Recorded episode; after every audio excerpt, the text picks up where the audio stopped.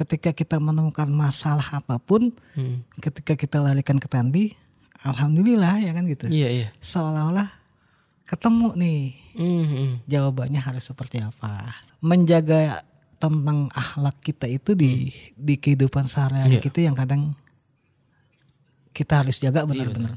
Eh, emblem di belakang kita itu nempel, Benar-benar. ya kan? Mau kita ke mana-mana pasti orang tahu Iya.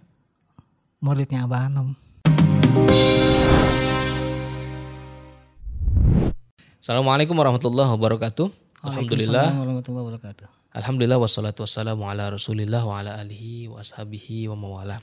Apa kabar nih teman-teman TK News? Mudah-mudahan semuanya dalam keadaan cager, bager, lahir, batin. Hari ini podcast Tasawuf kedatangan Ustadz Panji Asmara. Oh, dari namanya aja hati kita udah berbunga-bunga nih. Apa kabar Ustadz? Alhamdulillah, sehat. Sehat Ustadz ya. Alhamdulillah. Gimana kegiatan Ustadz? Ya seperti Lancar? lancar, ya kan? Lancar. Ah, barokah lah. Barokah. Mudah-mudahan. Alhamdulillah. Eh, beliau ini LMK, Lembaga Musyawarah Kurahan. Kelurahan. Artinya punya kontribusi di tengah masyarakat. Ya, kurang lebih. Alhamdulillah. Banyak kan persoalan-persoalan yang dihadapi ketika di tengah masyarakat tuh. Banyak, banyak. Eh, kadang kita bantu menyelesaikan masalah-masalah di masyarakat itu mulai dari eh, tingkat pemilihan RT, pemilihan RW, terus sampai masalah penyelesaian BPJS, Oh. sampai masalah kesehatan. Mm-mm. apa pun lah masalahnya kompleks di wilayah yang memang kadang eh, birokrasi di pemerintahan itu kadang terbentur dengan birokrasi-birokrasi atau prosedur-prosedur yang memang masyarakat belum memahami. Mhm. Akhirnya kita kasih jabaran, kita kasih tahu bahwa ini yang harus dilakukan, ya kan mulai step 1, step 2, step 3. Ya alhamdulillah sekarang sudah mulai terurai dan selesai masalah Itu kan kerjasama antara RT, RW ya. Ya pastinya, pastinya. semua semua, Semua elemen. elemen, masyarakat ya kan mulai dari tingkat RT, RW sampai tingkat pemerintah kelurahan juga pasti kita ajak untuk diskusi. Gimana cari solusi yang terbaik buat masyarakat. Iya. Artinya ketika kita ingin membangun masyarakat nih, eh, Ustadz Panji, berarti perlu dialog, Perlu dialog, perlu musyawarah, perlu musyawarah, perlu bekerja sama. perlu bekerjasama. Nggak pandang lu, nggak pandang bulu, Ustadz. Enggak, Agama apa pun ya, enggak apa-apa. suku apa pun ya. Suku apa pun. Toh ya kita harus bisa membuktikan bahwa kita mengabdi buat masyarakat itu tanpa melihat suku, tanpa melihat agama. Yang penting tujuan dan tanggung jawab amanah yang kita pegang itu kita laksanakan dengan sebaik-baiknya. Hmm, cakep. Itu dari apa namanya dari pengalaman Ustadz Ya, sebagai seorang LMK. Tapi di satu sisi, Ustadz Panji kan juga Ikhwan TKN nih. alhamdulillah. Alhamdulillah. Nah, mudah-mudahan diakui. Insya Allah. Insya Allah, amin. Insya Allah. Ada nggak sebenarnya pengaruh ketekianan eh, di dalam apa namanya di dalam peran nih yang Ustadz Panji jalani nih selama ini? Pastinya banyak. Karena di Tekian itu sendiri kita mengambil pelajaran bahwa segala apa pun pola tingkah laku kita, Hmm. kita harus bisa mengendalikan dengan eh, kontrol defense maksudnya emosi Oh kontrol diri ya. kontrol diri. Nah di Tekken itu kan kita belajar bagaimana mengendalikan hawa nafsu hawa nafsu yang ada di kita. Ketika kita berdialog kita tidak pakai emosi, ketika kita mengajukan saran tidak pakai emosi, dan akhirnya di situ ketemu enaknya bahwa apa yang kita sampaikan alhamdulillah bisa diterima oleh semua eh, yang kita sampaikan. Termasuk dari eh, pihak kelurahan, pihak kecamatan sampai nanti kita bisa tembus ke wali kota bahkan sampai ke tingkat Emang kalau boleh tahu Provinsi LMK tugas ini apa Ustadz? Tugas pokok. tugas pokok fungsinya adalah menjembatani mewasilahi ketika eh, masyarakat Menemukan menemukan permasalahan-permasalahan, Hmm. menemukan kendala-kendala dan kita juga harus bisa mengajak peran serta aktif masyarakat terhadap eh, kegiatan-kegiatan yang sifatnya kewilayahan. Hmm. Jadi kita memang diminta untuk selalu bekerja sama sama pihak pemerintah, sama pihak eh, yang lain dalam hal peran serta aktif masyarakat di pembangunan wilayah tersebut. Ini kan apa namanya sangat terkait sekali dengan ahlak tanbih. Ya, Nah, gimana Ustaz? Ustadz me- apa ya, meresapi nilai tanbih itu ya, dalam masyarakat, dalam bermasyarakat maksudnya.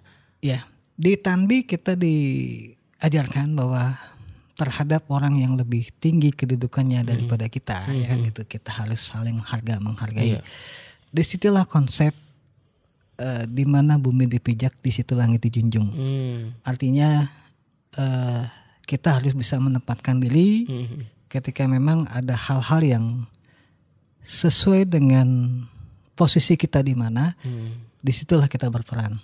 Hmm. Tapi ketika ada posisi yang di mana kita tidak bisa menjangkau itu, Hmm. kita perlu orang-orang yang memang lebih tinggi dan lebih ahli dalam hal masalah tersebut. dijadikan mitra Dijadikan mitra. sama. Oke. Jadi memang tanbih itu nilainya itu sangat apa ya? Sangat eh, Universal. Universal. Ya, dia bisa masuk ke dalam semua unsur kehidupan, Mhm. Ya kan? Dalam bermasyarakat, dalam kehidupan rumah tangga ya. bersosialisasi, kehidupan rumah tangga, bahkan ketika kita menemukan masalah apa pun, Hmm. ketika kita larikan ke tanbi, alhamdulillah ya kan gitu. Iya iya. Seolah-olah ketemu nih Mhm. jawabannya harus seperti apa. Jadi kalau kita mau ambil keputusan atau pertimbangan, boleh juga kita renung-renungkan dulu tanbih Ustaz ya. Iya, ya. Kadang sesekali ketika memang ada hal-hal yang di luar daripada eh, domain kita, Hmm. ranah kita, ya kan gitu. Itu nggak ada salahnya juga kita bisa berlopitoh kepada guru kita supaya minta dicarikan solusi yang paling baik Hmm. supaya permasalahan-permasalahan yang ada di wilayah itu bisa selesai tanpa ada masalah. Oke. Jadi ketika kita menghadapi masalah, Robito tetap jalan gitu Tetap ya? jalan, harus jalan. Harus jalan. Harus jalan. Kita bukan siapa-siapa. Iya. Kita perlu perlu apa namanya eh istiadah, pertolongan, pertolongan orang lain yang memang eh di luar batas kemampuan kita. Karena kan eh namanya pertolongan Iya. eh ada sifatnya yang kita bisa minta pertolongan ke Allah, ada yang minta eh, ada yang sifatnya kita bisa minta pertolongan ke makhluk eh, lain sesuai dengan porsinya dan bidangnya. Benar. Jadi kita harus menempatkan diri pada tempatnya itu Ustaz. ya? Mm. Sekaligus kita juga eh, memohon pertolongan kepada Allah dalam setiap aktivitas kita dan salah satu caranya dengan berobita itu Ustaz. ya? Iya. Saya udah tangkap nih Tat. Siap. Berarti ketika kita robito itu eh, bukan berarti eh, bukan berarti apa namanya? Bukan berarti kita ingin mengandalkan kemampuan diri sendiri. Iya. Tapi justru ketika kita berobito itu kita justru menggunakan fasilitas Iya. yang dimiliki oleh Iwan TGN. Iya. Iya, iya. Kan fasilitas Ustaz, ya. Iya. Fasilitas. Artinya kita punya fasilitas-fasilitas yang eksklusif. Eh, ketika kita sudah mendapatkan talqin dzikir, menjadi muridnya eh, pengarsa Aba Anom, kita punya fasilitas untuk melakukan robito. Punya pengalaman saat melakukan robito dan mendapatkan apa? Jawaban. Jawaban. Iya. Pernah, pernah. Pernah. Ketika memang ada hal-hal yang sangat eh krusial. Hmm. Ya, contoh ya permasalahan-permasalahan terkait sumber pemasukan-pemasukan di wilayah masing-masing misal. Hmm. Ya kan? Eh kita tahu latar belakang masalahnya. Hmm. Kita tahu eh, ruang lingkup masalahnya. Iya. Cuman ada pihak-pihak yang coba menutupi itu dan akhirnya menjadi seolah-olah kita yang disalahkan. Ya di situlah ya kan gitu. Kita coba minta eh, lewat lobito dan akhirnya ditunjukkan bahwa yang benar itu adalah yang benar. Hmm, akhirnya mendapatkan solusi, lah ya, solusi lah. Ya, dan penyelesaian tentang permasalahan itu. Iya. Lu talkin tahun berapa? Seingat saya dulu waktu saya masih kelas 3 STM dulu saya kan gitu. Eh, tahun 90 5 90 Oh, 95-an ya. 95 96 itu saya sudah datang ke tempat manakib waktu itu di Pulau Mas kalau nggak salah tempatnya Pak Gunawan. Hmm. Di situ saya disuruh ikut oleh ustadz saya, suruh duduk, terus diajarin lah kalimat jikir. Dulu saya belum ngerti bahwa itu ternyata sudah proses talqin. Umur saya talqin. Jadi Nah, ikut gitu. aja waktu ikut aja ya kan gitu karena kita masih sekolah ya gitu kita Hmm. juga masih ya bahasanya ya gitu deh Iya, iya, iya, masih masih zaman zamannya Berarti nggak langsung ngamalin tuh ya? belum belum belum Hmm. Ah, seingat saya saya datang lagi ke tempat manakib diajak Hmm. lagi itu setelah eh, tahun 99 ya kan itulah di situ ketemu saya pernah datang ke Masjid Al Mubarak ini Hmm. dulu masih masih masih di bawah bukan seperti bangun yang sekarang Oh, masih belum tingkat. masih belum tingkat Hmm. Nah, di situlah saya coba datengin tempat-tempat manakib ya kan, Hmm. pengen tahu apa Iya. sih ya kan yang dimaksud dengan TKN, apa sih yang dimaksud dengan eh, Surilaya ya kan gitu. Eh, di situlah saya coba datangi tempat-tempat manakib Hmm. dan Iya. tahun 2000 itulah baru saya eh, ada ketertarikan ingin mendalami. Hmm, Jadi ketika belum memiliki pengetahuan atau wawasan seputar TKN itu belum mengamalkan. Belum.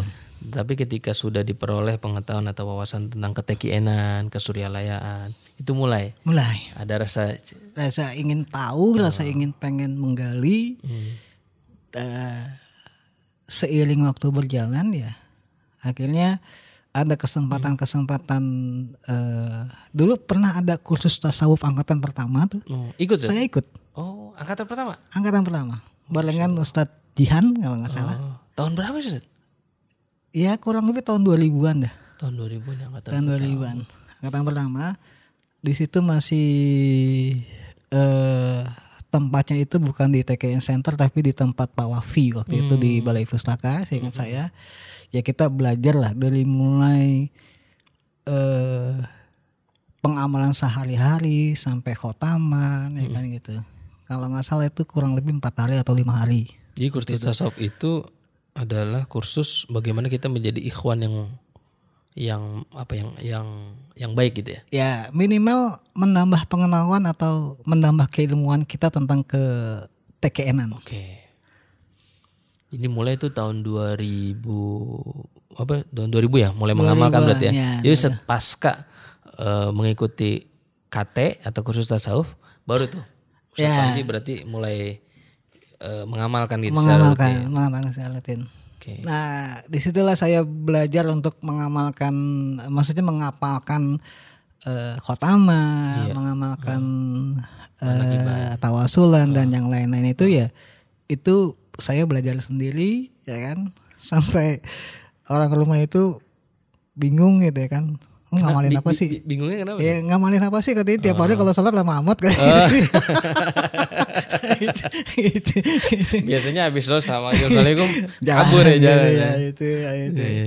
Jadi mulai rutin belajar eh, dari maghrib sampai isya itu nggak nggak bangun artinya ya ya di tahun 2000-an itu. Hmm. Nah, gitu. Jadi artinya ada ada amalan-amalan TKN yang dilakukan secara bertahap gitu Ustaz. Ya, ya, mulai dari saya waktu itu mulai dari sholat maghrib sampai sholat isya itu nggak bangun artinya ya terus Terus sampai ya, waktu isya. isya. Masya Allah. Gimana Ustaz setelah apa namanya mulai menjalankan ketekienan ini apa keluarga juga diajak atau memang lah apa namanya dari apa namanya dari keluarga udah tekien ya belum ya Eh, kalau dari keluarga saya pribadi ada almarhum kakek saya itu dia belajar torikotnya torikot sajiliyah oh di Batu Cemper, hmm. ya kan. Nah, ibu saya juga pernah bilang, lu tuh dikira sama kayak kakek lu katanya itu. Hmm. Ah, beda kali mak saya bilang gitu. iya iya iya Ya, terus tapi ketika saya ajak ibu saya, gue pernah ikut katanya, udahlah gue ikut kakek lu aja katanya. ya, akhirnya ya udah ya kan gitu. Tapi eh, saya berkeyakinan bahwa kalau dulu itu di tempat saya itu ibu-ibu sering mengajarkan eh, jaroh, ya termasuk salah satunya ke Suryalaya dan beliau sempat ikut. Saya nggak tahu beliau sudah ditakin atau enggak waktu itu. Cuman kalau saya lihat foto-fotonya itu ya ibu-ibu itu suka pada foto di depan madrasahnya Abah ya kan gitu. Abah waktu itu masih sehat ya kan gitu. Dan saya punya keyakinan bahwa oh mungkin ibu saya udah ditalkin ya udah pernah ditakin. karena kan yang ngebawa ke Suralaya biasanya Ikhwan tuh Biasanya Ikhwan biasa Ikhwan bisa dan Ikhwan pasti kan mengarahkan mengarahkan benar ya kan? mudah-mudahan almarhumah tuh almarhumah. itu sudah Amin. ditalkin Amin, istri saya udah, udah juga? Alhamdulillah eh setahu saya istri saya itu ditakin di tahun 2017 kemarin. 2017 belum lama berarti? Belum lama. belum lama Masih perlu dibina. Ini. ada cerita nggak Ustaz? ini antara asmara dengan istri nih ada hubungan nggak atau jodoh gitu eh ada ya kan gitu. Jadi eh ketika tahun 2017 itu saya jaroh ke makam Abah Anom. Di situlah eh saya coba berkomunikasi lewat hati ya kan gitu. Saya bilang sama Abah, "Bah, udah capek nih Bah kosan ke sini." Ya kan gitu. ya kan gitu. Ah, gimana nih Bah ya kan gitu. Sementara makin ke sini umur makin nambah nih ya kan gitu. Terus ya selesai itu ya udah saya udah lepas ya kan gitu. Dan ternyata eh istri saya juga waktu itu belum, waktu itu belum sempat ziarah datang sama teman-temannya tapi nggak ketemu saya. hmm. jar ke Suralaya Dia lagi ke Suralaya. Dia sama rombongan eh, bibinya dan teman-temannya waktu itu dan pada akhirnya kita diketemukan waktu setelah acara kalau nggak salah hari besar Islam itu saya lupa antara Muharram atau Maulid di SMP 269 Kemayoran. Jadi waktu itu Pak Ustaz Wafi ya Ya. Nursidin. Waktu itu Pak Wafi yang datang, ya kan? Ya karena kita memang dari dulu eh, diajak teman-teman untuk bergabung di ADTKN Jakarta Pusat. Dulu belum belum ADTKN, dulu masih Yayasan Korwil Jakarta Pusat, ya kan gitu. Dan saya diminta untuk jadi panitianya. Di awal-awal saya bantu, pas di hari hanya itu saya nggak bisa hadir karena memang bertepatan dengan eh, pemilihan LMK itu iya gitu. Nah dari cerita istri saya ya di situlah dia belajar kenal TKN dan nggak tahu kenapa setelah dia jikir itu eh iseng-iseng ada WA-an masukan gitu. Lalu dulu, dulu. Yang yang di WA siapa? Yang di WA saya Oh, Nah, gitu. di WA. Yang di WA saya, saya tanya ini siapa yang gitu. Ternyata eh itu nomornya istri saya dan dia bilang itu bukan dia tapi temennya yang iseng katanya gitu. Ada di iseng-iseng itulah ya gitu. Akhirnya kita berlanjut, kita kenalan dan ketika saya ngerasa ya mungkin ini kali ya jawaban dari apa yang saya minta di makam abah artinya kan gitu ya ya udah saya jalanin dan mudah-mudahan ini jodoh atau pilihan dari abah buat saya kan gitu. Hmm. Jadi awal iseng Zat? iseng Iseng. Maksudnya temennya kan, temen istri temennya kan. ya Iseng sampai jadi nikah. Itulah. Tapi memang eh ya nggak ada yang sebenarnya nggak ada yang nggak ada yang kebetulan. nggak ada yang kebetulan. Nggak ada yang kebetulan. Nah, tadi makanya poin di Robito itu ya tentang apa pun permasalahan-permasalahan kita yang memang kita di luar eh, batas kemampuan kita ketika kita sudah ya Allah ini gimana lagi jalan keluarnya kan gitu. Nah, ya di situlah coba kita komunikasi sama guru kita. Mungkin ada hal-hal atau jawaban-jawaban yang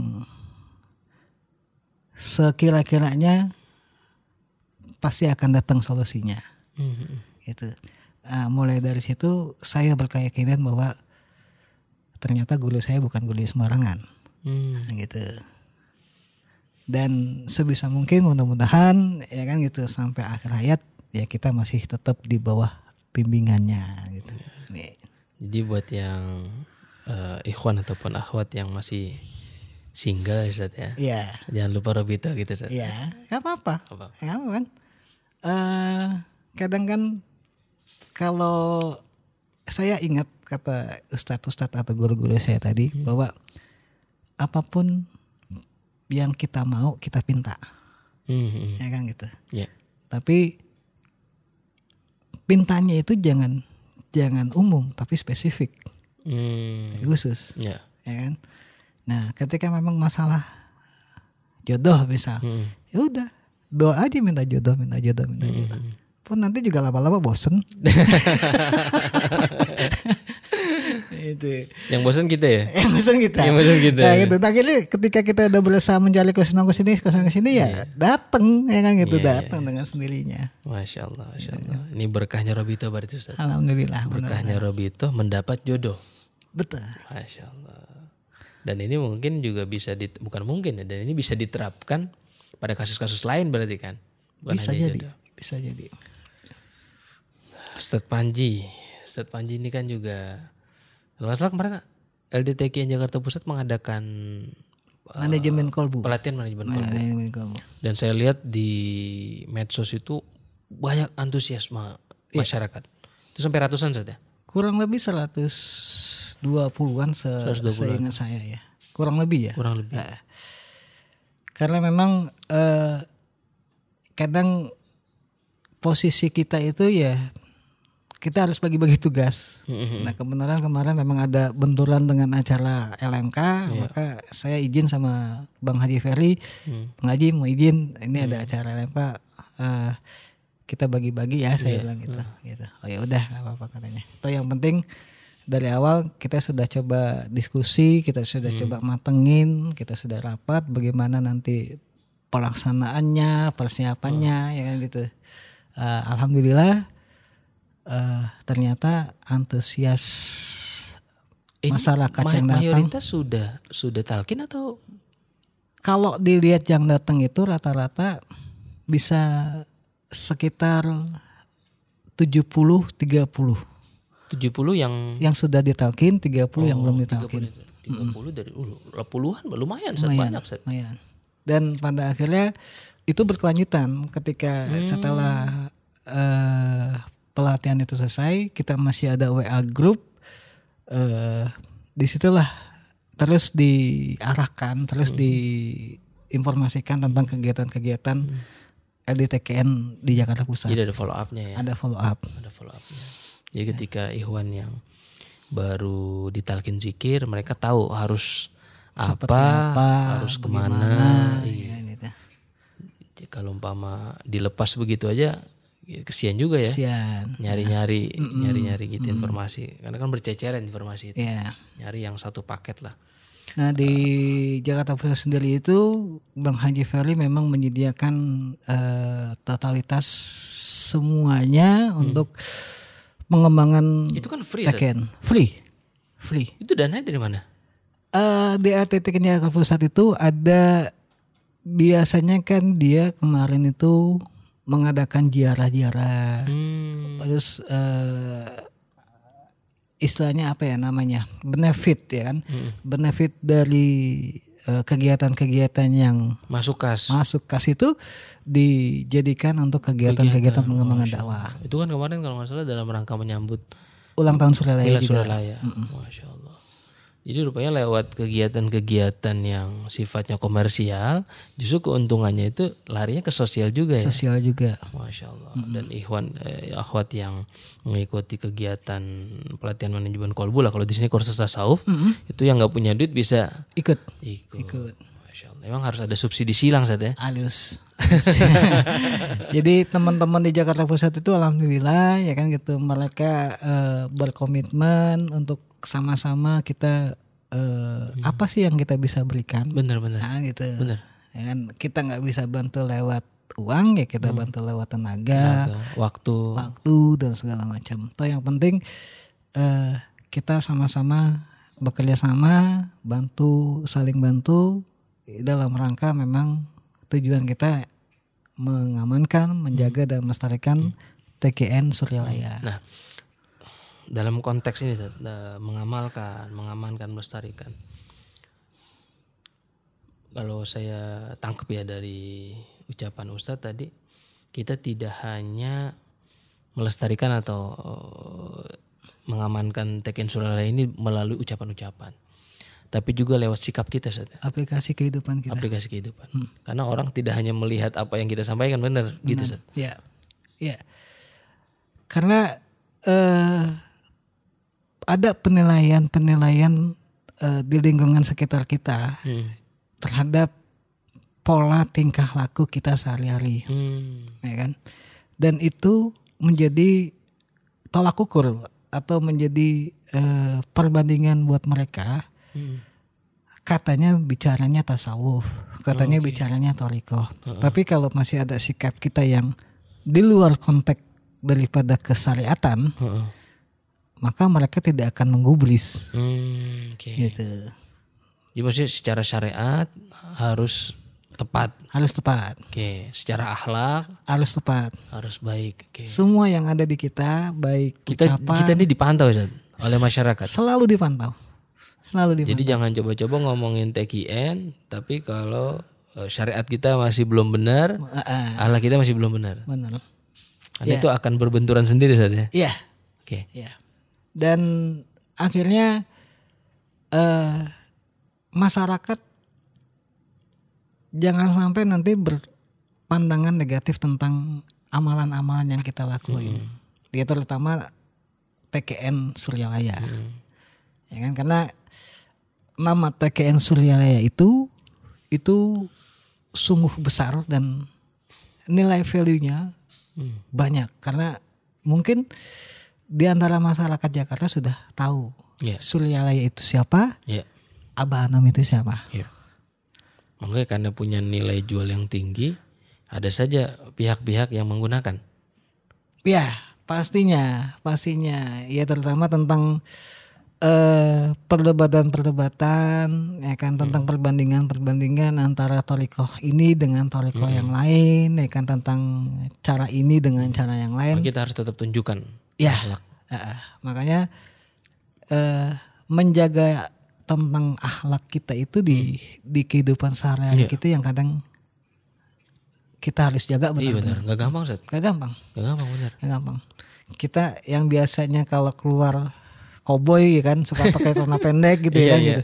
Itu jadi penilaian buat mereka tuh. Benar. Oh ini orang Toreko nih. Orang dari kok, ya kan Iya, masa keluar pakai celana pendek kan. Ini orang Toreko nih. Masa dangdutan mulu. iya, masa dangdutan mulu ya kan, masa ya gitu-gitulah. benar benar benar. Jadi justru ketika kita eh, mengamalkan Toriko, kemudian kita justru berbuat eh, hal-hal atau sikap-sikap yang itu tidak sesuai dengan nilai di masyarakat, justru itu mencederai ya. Iya, bisa jadi. Eh, bisa bisa merusak nama Suryalaya juga ya. Bisa, bisa. Makanya hewan hewan awat betul. Saya ingat ceramahnya Ki Arif Ikhwan itu. Mubalik itu adalah cerminnya abah di lapangan. Iya. Gitu. Nah, maka ketika kita dijadi eh, dijadikan eh, pengurus, kita dijadikan apa pun dalam dalam eh, sisi kehidupan masyarakat kita, itu mungkin tanda kutip eh, kita harus bisa mencerminkan perilaku kesuryayaan kita di dalam kehidupan kita sehari-hari. Alat tangbinya jalan nggak gitu ya? Ya, Ya kurang lebih seperti itu karena memang mau nggak mau tidak su- suka nggak suka eh, emblem di belakang kita itu nempel, Benar-benar. ya kan? Mau kita ke mana-mana pasti orang tahu Iya.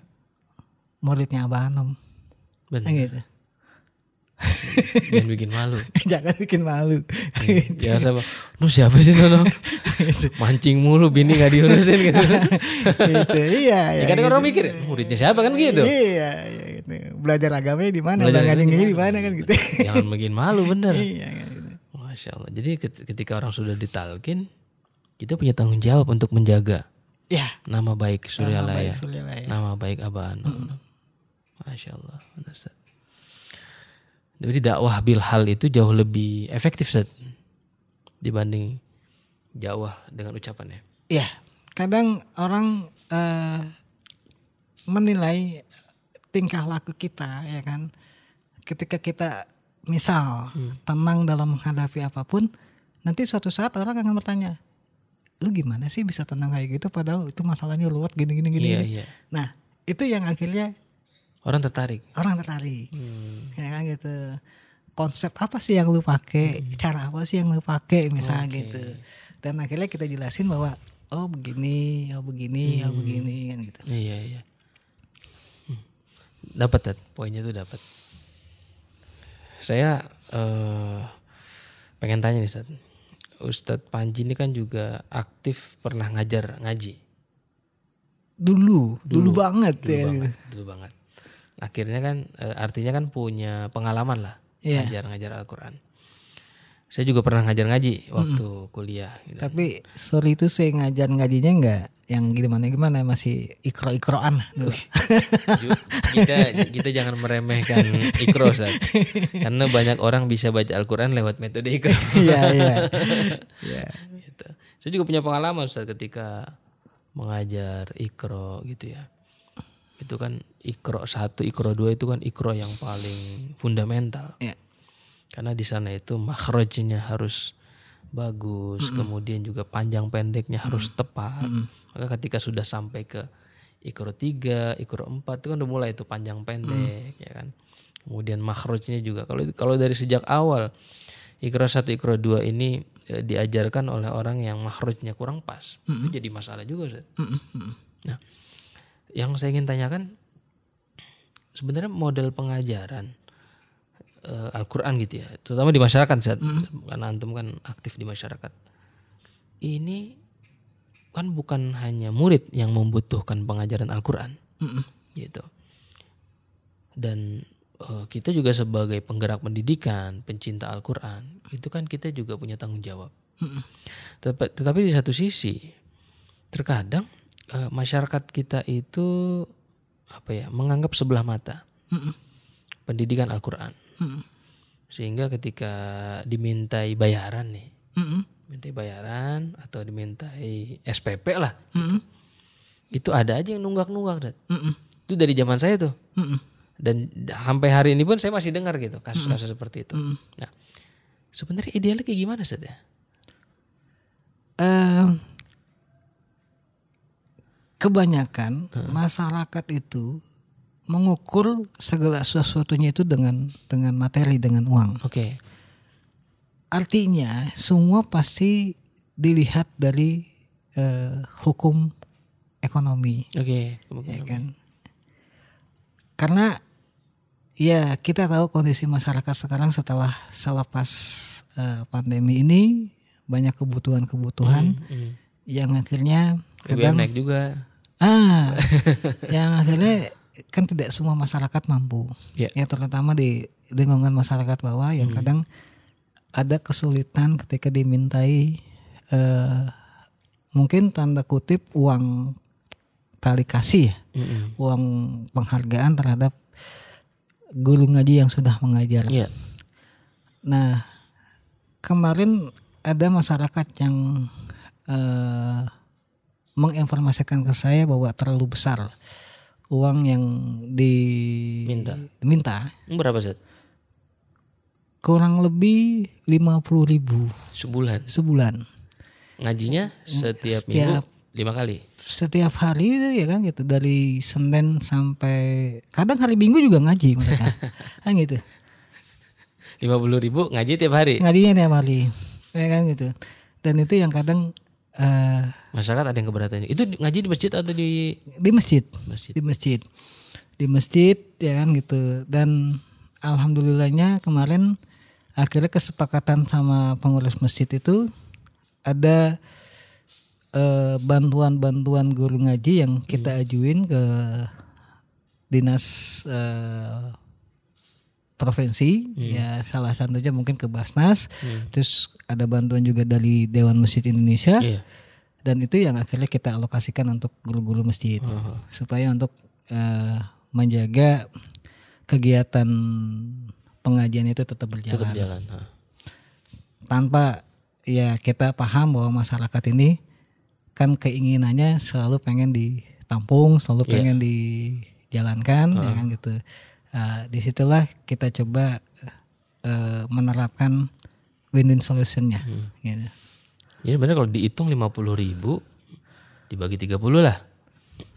1500 kurang lebih sehari Lima puluh seribu lima ratus kita kencing aja bisa dua ribu kan? 2000 ke toilet ya kan bisa 2000 Toilet dua ribu kencing dong dua ribu. kalau toiletnya sekali kalau tiga kali sehari ya kan Dan itu 6.000. 6.000, ya gitu ya Kita emang parkir. emang nggak masuk nggak Iya. masuk logika Iya nggak masuk logika. Biasanya. Artinya kan eh, pengajaran eh, keagamaan itu masih masih ada sebagian lah kita kita nggak nggak pukul rata masih ada sebagian menganggapnya sebelah mata gitu.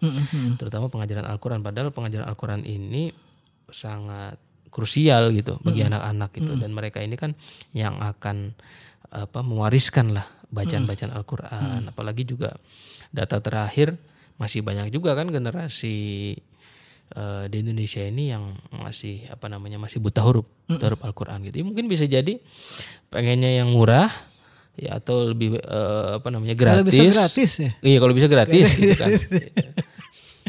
ya emang orang kalau pengen ada gratis ya orang pasti milih gratis gitu. Iya Gitu. Tetapi kan yang gratis itu juga kan pasti perlu pendanaan, perlu pembiayaan gitu. Memang yang yang apa kalau memang mengadakan di masjid mungkin dana infak sodakoh masjid Masih bisa di-backup masjid masih lah. bisa di backup lah gitu. Tapi kan yang kalau yang betul-betul mengandalkan hanya lewat eh, bayaran itu ya kan? kan satu sisi kan masyarakat juga kan ada yang memang mampu ya kan? ada juga yang ke ekonominya lemah gitu kan. kita kan nggak pengen juga gara-gara dia nggak punya uang kemudian jadi nggak bisa Ikut belajar- ngaji. ikut ngaji belajar ngaji. Artinya kan kita benar kan kata Ustadz Panji itu kita tampung eh, semua masukan dari masyarakat tapi satu sisi harus ada evaluasi bersama saat ya. Ya. Jadi gurunya dievaluasi, kemudian juga masyarakatnya juga diedukasi.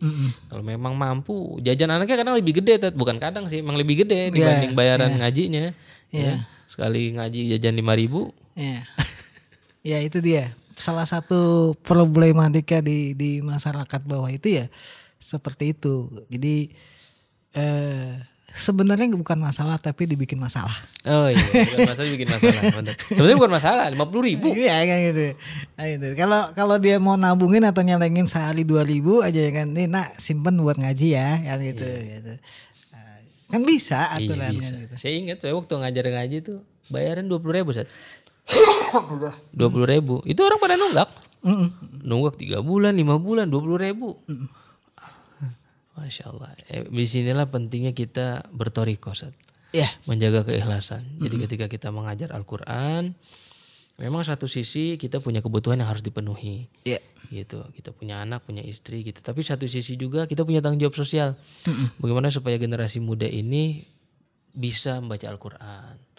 Bisa mencintai Al-Quran. Bisa mengamal Al-Quran. Ya di sinilah pentingnya ISF Ustaz zakat wakaf sedekah ya ziswaf bisa digunakan untuk kegiatan-kegiatan operasional. Maka eh, tidak bisa dipungkiri dakwah itu mesti ditopang oleh ekonomi. Ekonomi. dan ekonomi pun ekonomi yang sifatnya islamik. Ya, gitu. Agar i- ekonominya ini bebas dari riba. Ya, ya. Eh, eh, memang eh, salah satu wacana dari teman-teman di Jakarta Pusat juga itu memang ya seperti kemarin kita buat pelatihan majikan kalbu itu kita tidak lagi eh, apa namanya eh, berdasarkan sodako berdasarkan donasi tapi seenggaknya ada ada momen atau kesempatan di saat kita memang bisa menyelenggarakan kegiatan yang kita bisa ambil benefitnya eh, kita jadikan buat kegiatan sosial lagi. Dan keinginan teman-teman itu ya nanti mungkin akan ada pengembangan-pengembangan dibilang eh, peningkatan UMKM atau pelatihan-pelatihan itu ya nanti eh, coba kita diskusiin di teman-teman RDTK Jakarta Pusat. Ya mudah-mudahan generasi kita ini bisa mendapatkan apa ya pendidikan Islam yang merata. Mudah-mudahan. Amin.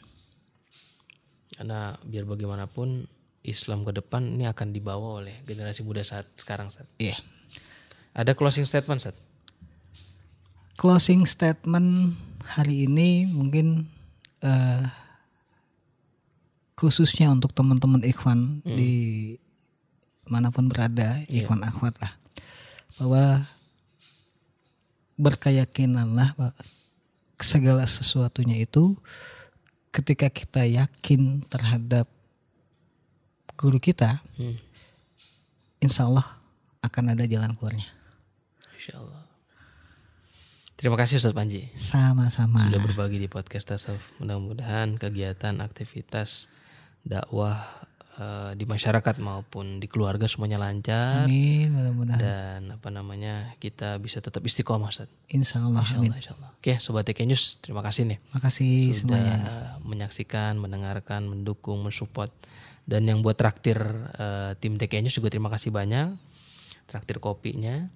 Dan jangan lupa download aplikasi TK News. Kita jumpa lagi di Sabtu mendatang. Assalamualaikum warahmatullahi wabarakatuh. Waalaikumsalam warahmatullahi wabarakatuh.